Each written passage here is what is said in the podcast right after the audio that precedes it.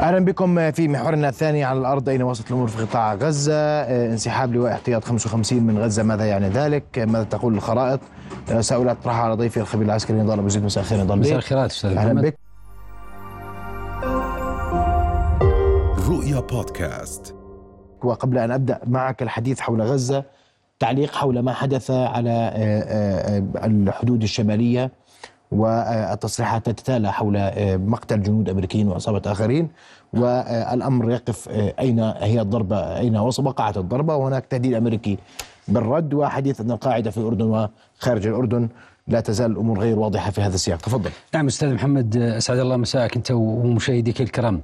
فيما يتعلق بهذه الجزئية الموقف الرسمي الأردني كان واضح في ذلك وحدد أن القاعدة هي خارج الحدود الأردنية. بالتحديد هذه المنطقة آه، منطقة مستهدفة ومنطقة آه، ليست بجديد، هي منطقة تأتي جنوب آه، قاعدة التنف هي بالقرب من الزاوية الحدودية الأردنية العراقية. بالمناسبة هذه المنطقة تنتشر فيها الميليشيات الشيعية بالتحديد من منطقة البوكمال وحتى جنوب التنف. بمعنى أن منطقة انتشار الميليشيات الشيعية من البوكمال باتجاه مناطق تدمر وحتى جنوب تدمر إلى جنوب التنف هذه المناطق تتواجد فيها بالتحديد لواء أبو الفضل العباس ولواء الفاطميين. وهذه ألوية تم تأسيسها وانتشارها في هذه المناطق منذ بداية الأزمة السورية بالتحديد منذ 2011 2012 تقريبا انتشرت الميليشيات في هذه المنطقة.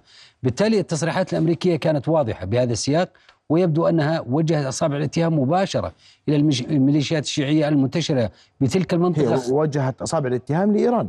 نعم بالتحديد كون الداعم لهؤلاء الوكلاء والتي تبدع بتكتيكات واستراتيجية حرب البروكسي زوار أو حرب الوكالات.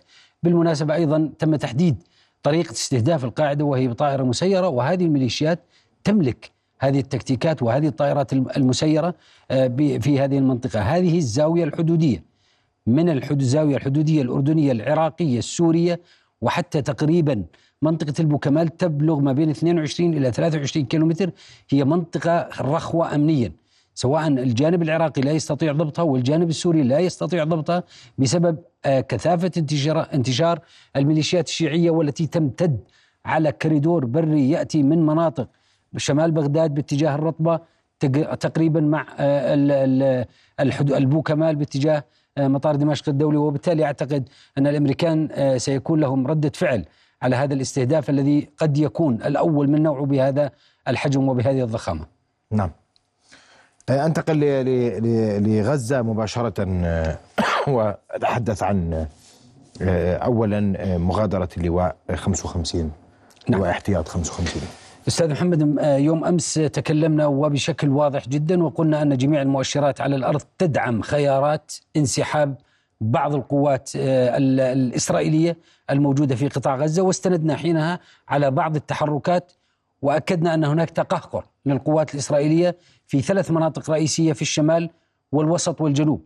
ما حدث اليوم أكد تقييماتنا وبنسبة 100% حيث انسحب آه، هذه مشاهد الانسحاب لواء احتياط 55 من قطاع غزة نعم. آه، لواء 55 آه، ال- الاحتياط هو لواء مظليين ويتواجد في منطقة آه، خان يونس بالتحديد يقاتل في خان يونس مع فرقة المظليين 98 وبالتالي انسحاب هذا اللواء يعني أننا الآن أمام بدل السبع ألوية التي كانت تقاتل في خان يونس نحن أمام ستة ألوية موجودة إضافة إلى ذلك تم أيضا سحب لواء آخر وهو لواء كريات. وهنا سأقف قليلا حتى تتضح الصورة لدى المراقب والمتابع والمشاهد. آه، تم الحديث كثيرا على وسائل ال- ال- الإعلام أنه تم سح- سحب لواء الرابع ولواء 55 بالمناسبة اللواء الرابع هو نفسه لواء كريات بمعنى أن ليس ال- ال- الانسحاب لم, لم, لم يتم لثلاث ألوية هو كان للواءين.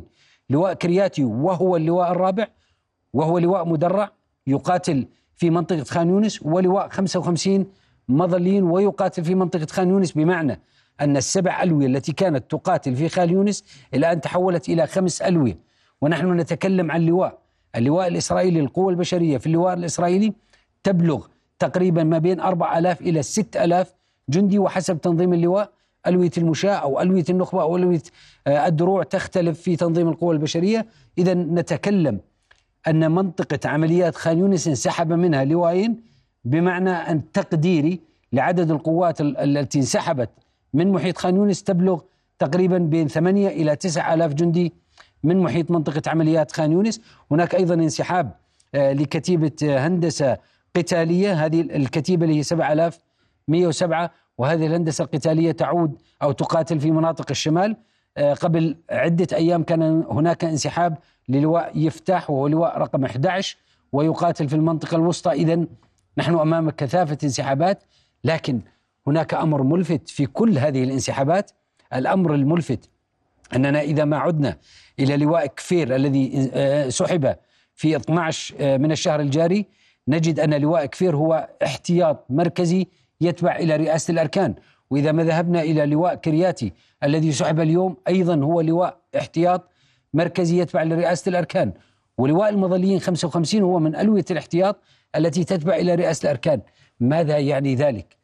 هذا يشير إلى أن الخطة الاستراتيجية أو خطة العمليات تقوم على سحب الألوية التي تتبع ألوية الاحتياط التي تتبع كاحتياط استراتيجي موجود بيد رئيس الأركان بمعنى هذا ينسجم مع ما تكلمنا به من نبض البلد حين قلنا أن المقاومة تبدع بإجبار الاحتلال على.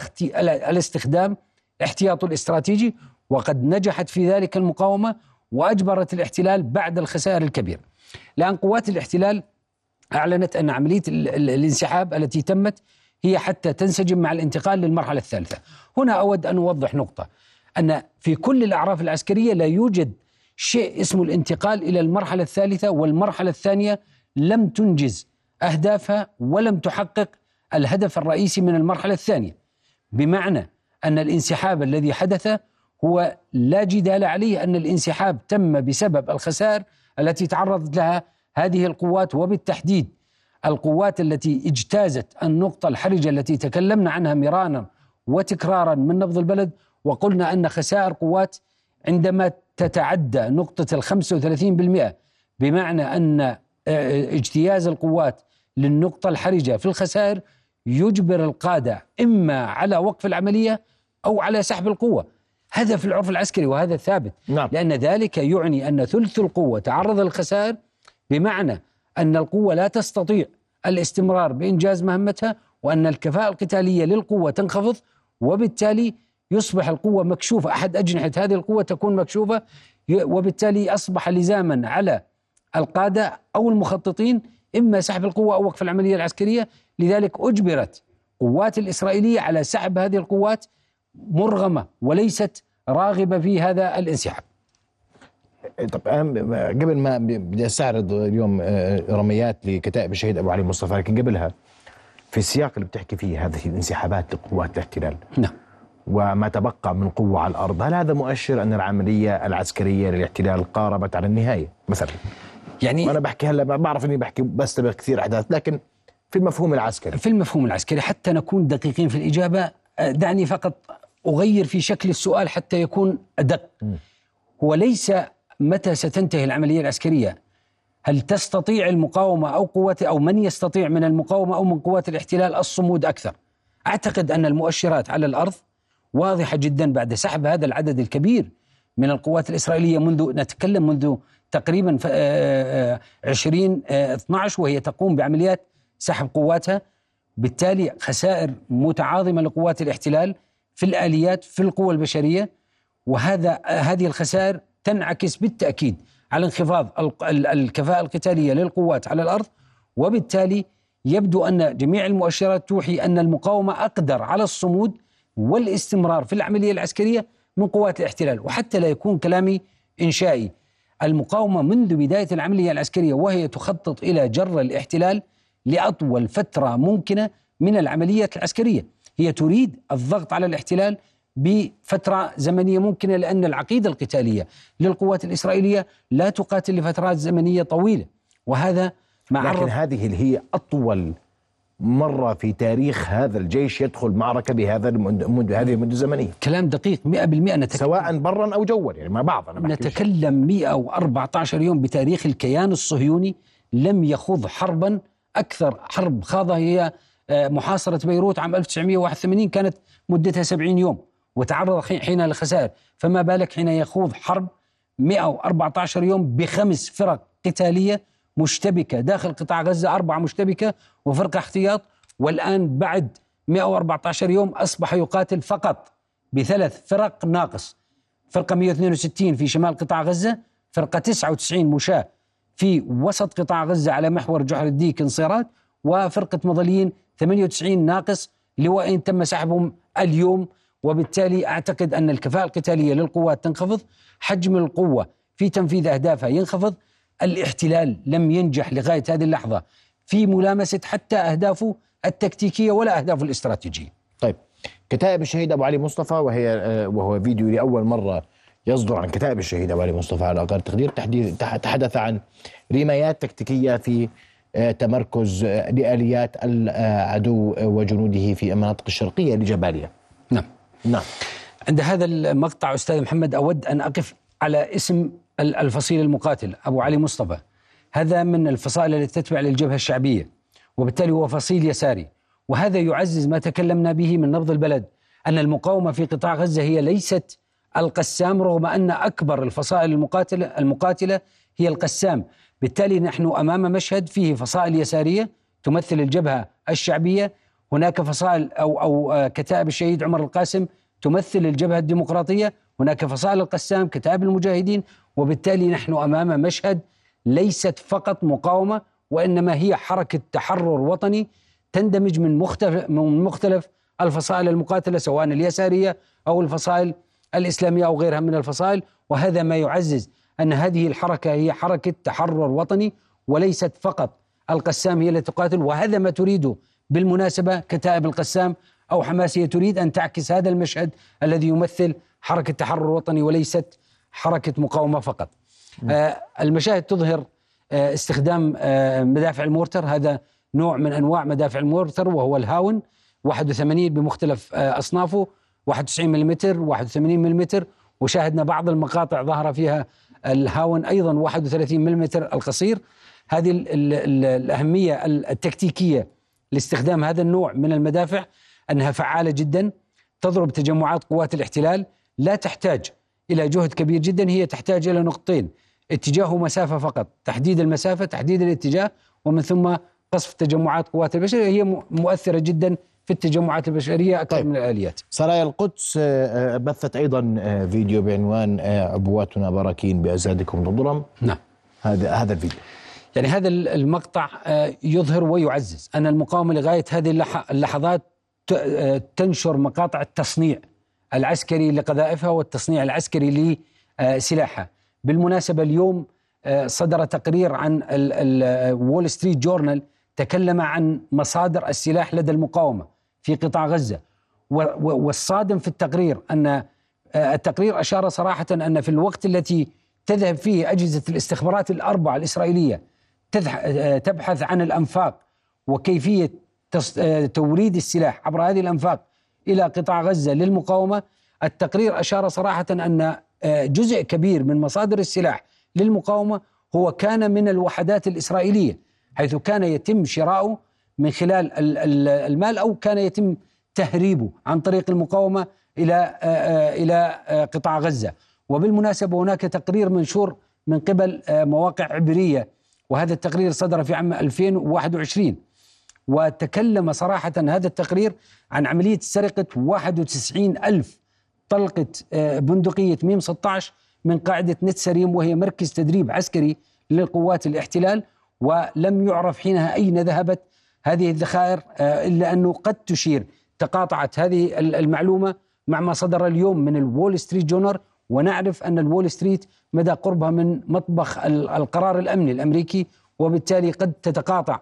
معلومة ال 2021 التي صدرت عن المواقع العبرية مع ما صدر اليوم من الوول ستريت جورنال ويؤكد أن المقاومة حصلت على عدد كبير من ذخائرها من مصادر آه، نفس الوحدات والكتائب والجيش الاحتلال الإسرائيلي. طيب نتحدث آه، آه، عن ارقام وأرقام آه، تحديد قتلى جيش الاحتلال بك. تماما. أستاذ محمد ال- الأرقام لا تزال ثابتة في مواقع وزارة الدفاع الإسرائيلية. إذا ما ذه- ذهبنا إلى موقع وزارة دفاع الاحتلال نجد أن الأرقام لم تتغير رغم إعلان الاحتلال اليوم عن مقتل ثمان جنود مع ضابط كان موجود معهم ضابط برتبة نقيب. أعلن أيضا المقاومة أعلنت عن استهداف تدمير كلي أو جزئي لأربع دبابات من نوع مركبه وبالتحديد في آه، منطقة عمليات خان يونس. وبالتالي يبدو أن الاحتلال لا زال يتمسك بأرقام لا يريد هذه الأرقام أن تنفلت لليوم الرابع على التوالي. لم ينشر ولم يحدث أرقامه على موقعه الرسمي آه، رغم ارتفاع خساره. وبالتالي لا تزال الأرقام كما هي منذ أربع أيام. أسألك سؤال نظل بك. عسكريا أمرك كل يوم رقم أحسن ما أصدم برقم واحد مرة واحدة صحيح؟ هو ليس صحيح هذا آه، قد يكون مناسب إذا كانت الأرقام محدودة وأعدادها قليلة يقوم بتمرير كل يوم هذه الأرقام.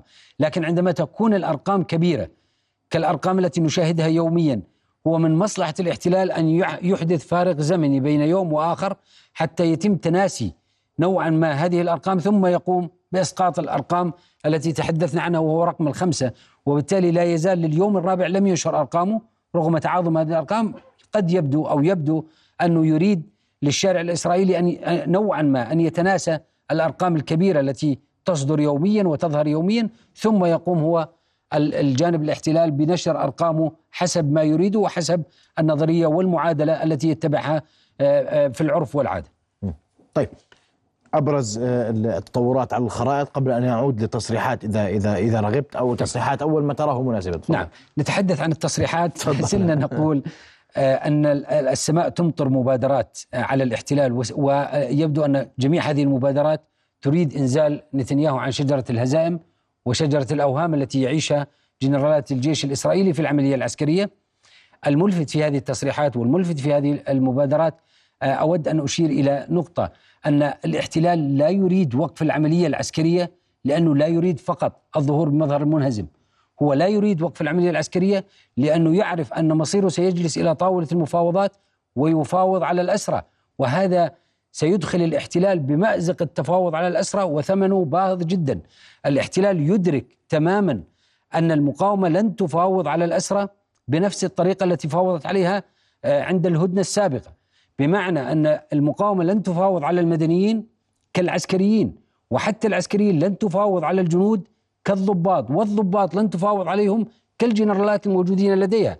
إذا ما ذهبنا تاريخيا وأخذنا بعين الاعتبار التفاوض على الجندي الإسرائيلي شليط في 2011 جندي واحد للاحتلال كلف الاحتلال 1254 رهينة فلسطيني موجود في سجون الاحتلال.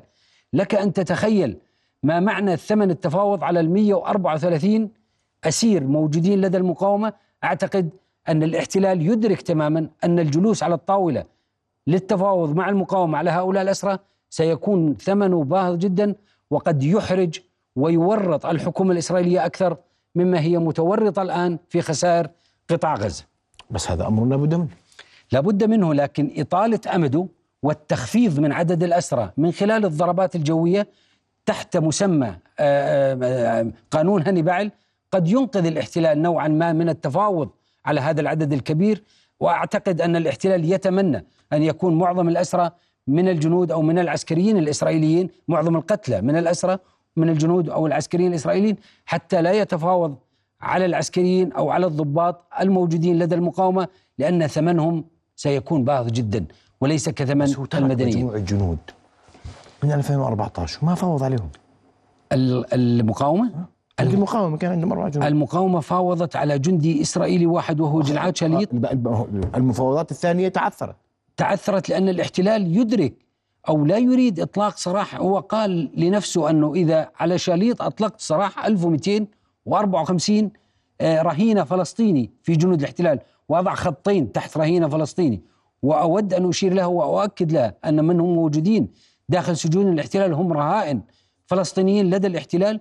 ومن هم موجودين لدى المقاومة هم أسرى إسرائيليين لدى المقاومة لأن السبب الرئيسي في ذلك أن من هم موجودين في سجون الاحتلال هم مدنيين فلسطينيين من هم موجودين عند المقاومة هم عسكريين إسرائيليين رغم أنهم مدنيين لأن المجتمع الإسرائيلي هو مجتمع متعسكر أي بمعنى أن كل المجتمع الإسرائيلي هو احتياط وبالتالي في العرف العسكري هم عسكريين وهو أولاء أسرى لدى المقاومة بينما من هم موجودين لدى المقاومة هم رهائن فلسطيني من هم موجودين لدى الإسرائيلي هم رهائن فلسطينيين في السجون الإسرائيلية طيب انتقل للخرائط. نعم. أبرز منطقة العمليات الشمالية أشرت يوم أمس وبكل وضوح إلى أننا نلمس أن هناك إعادة تنظيم وإعادة بناء للخدمات المدنية من قبل حكومة غزة آه، في المنطقة الشمالية وبالتحديد في المناطق التي تنسحب منها قوات الاحتلال. ما حدث اليوم وعلى أغلب مواقع الإعلامية أن الإعلام بدأ يشير صراحة وينشر صور أن الخدمات المدنية آه، والبلدية بدأت تعود إلى مناطق شمال قطاع غزة في المناطق التي انسحب منها قوات الاحتلال. الأمر الملفت الآخر في الشمال كنا نشاهد اللون الأزرق بكثافة في مناطق بيت حانون وبيت لاهية اليوم الخرائط التي صدرت هناك آه، مناطق فارغة في بيت حانون وبيت لاهية لا يظهر فيها لون الأزرق وهو تواجد قوات الاحتلال. وهذا يفسر أن يبدو أن الوحدات التي انسحبت من شمال قطاع غزة فرغت مناطق بيت حانون وبيت لاهية وبالتالي عادت لها الخدمات المدنية. بدأت المقا... بدأت حكومة قطاع غزة تعيد إنتاج نفسها مدنيا في مناطق الشمال. هذا يشير إلى أن المقاومة فكرت ليس فقط في العملية العسكرية بل في اليوم الذي يلي العملية العسكرية على عكس الاحتلال الذي لا يزال يتخبط في كل أركانه في اليوم الذي يلي العملية العسكرية. إذا ما ذهبنا إلى المنطقة الأكثر سخونة والأكثر اشتعالا وهي منطقة خان يونس تتضح الصورة أمامنا رغم كل إعلانات قوات الاحتلال. هنا أود أن أشير إلى نقطة إلى أننا نتكلم بعيدا عن العاطفة نتكلم بالمنطق وبالوقائع على الأرض. الحقائق التي تشير من من شهود عيان على مواقع التواصل الاجتماعي أن الاحتلال وصل ولنذهب إلى الخارطة حتى تتضح الصورة. على غرب خان يونس لا يزال يقاتل في تخوم غرب مدينة غزة بالتحديد عند مجمع ناصر الطبي وعند مجمع الأمل الطبي لم يستطع اجتياز مستشفى الأمل في هذه المنطقة بالتحديد وعلى الطريق طريق القديس التي أشرنا منها من نبض البلد. يبدو أن المقاومة أوقعت فيه خسائر كبيرة والعدد الذي أشير إليه اليوم الأربع دبابات أصيبت على طريق القديس التي تمتد من مجمع ناصر الطبي باتجاه مجمع الأمل أو مستشفى الأمل الطبي. آه، وبالتالي أنا أعتقد أن المقاومة لا تزال لديها اليد الطولة في خان يونس. لم تنجح قوات الاحتلال في التقدم. هي الآن تراوح مكانها ونتنياهو الآن يقع في منطقة الوسط. لا يستطيع التراجع لأن ذلك هزيمة لقواته ولا يستطيع التقدم لأن ذلك يوقع خسائر أكبر في قواته وأيضا هزيمة. بمعنى أن يعني اقترب موعد نهاية عملية خان يونس يعني القوة التي تقاتل في خان يونس لها 50 يوم. نعم اليوم اليوم الخمسين صحيح طيب وبالتالي أعتقد أنه ستبقى تقاتل لحين صدور أو تبلور المبادرة التي طرحت من قبل الجانب البريطاني والجانب الأمريكي وبرعاية إقليمية من قبل مصر وقطر وأعتقد أنه سيستعجل ببلورة هذه المبادرة حتى يخرج أو يجد مخرج له ينقذه من مستنقع خان يونس. مستنقع خان يونس نعم. لم لن يخرج من مستنقع خان لم لا. يخرج حتى لم يخرج بنتائج حقيقية عسكريا على أرض خان يونس حتى اللحظة ولن يحقق إنجازات ولن يستطيع التوغل على الأقل خلال الفترة القليلة القادمة. لن يستطيع التوغل. إيش القليل القادمة قصدك فيه؟ يعني من من الآن إلى غاية بداية نهاية الأسبوع الحالي أعتقد أن المؤشرات كلها توحي إلى أن المقاومة متماسكة وخطوط دفاعها متماسكة وستوقع آه، في الاحتلال خسائر أكبر. وبالتالي لا أعتقد أن آه، الاحتلال قد يتوغل. في خان يونس سوى بأطراف خان يونس وهي المنطقة الموجود فيها حاليا لحدود يعني يبقى يبقى في حدود مجمع ناصر ومجمع الامل مستشفى الأمل ومجمع ناصر وبالتالي لا يستطيع أن يطيل المدة بقائه هناك لأن ذلك سيوقع فيه خسائر كبيرة. وهو بقائه في هذه المنطقة يدفع المقاومة ل أو سهوله استهدافه من قبل. المقاومة تكون أكبر في هذه 100% تمام. بدي أشكرك كل الشكر الخبير الاستراتيجي والعسكري نضال أبو زيد على وجودك معنا لنا. كل الشكر أستاذ محمد. أهلا وسهلا. رؤيا بودكاست.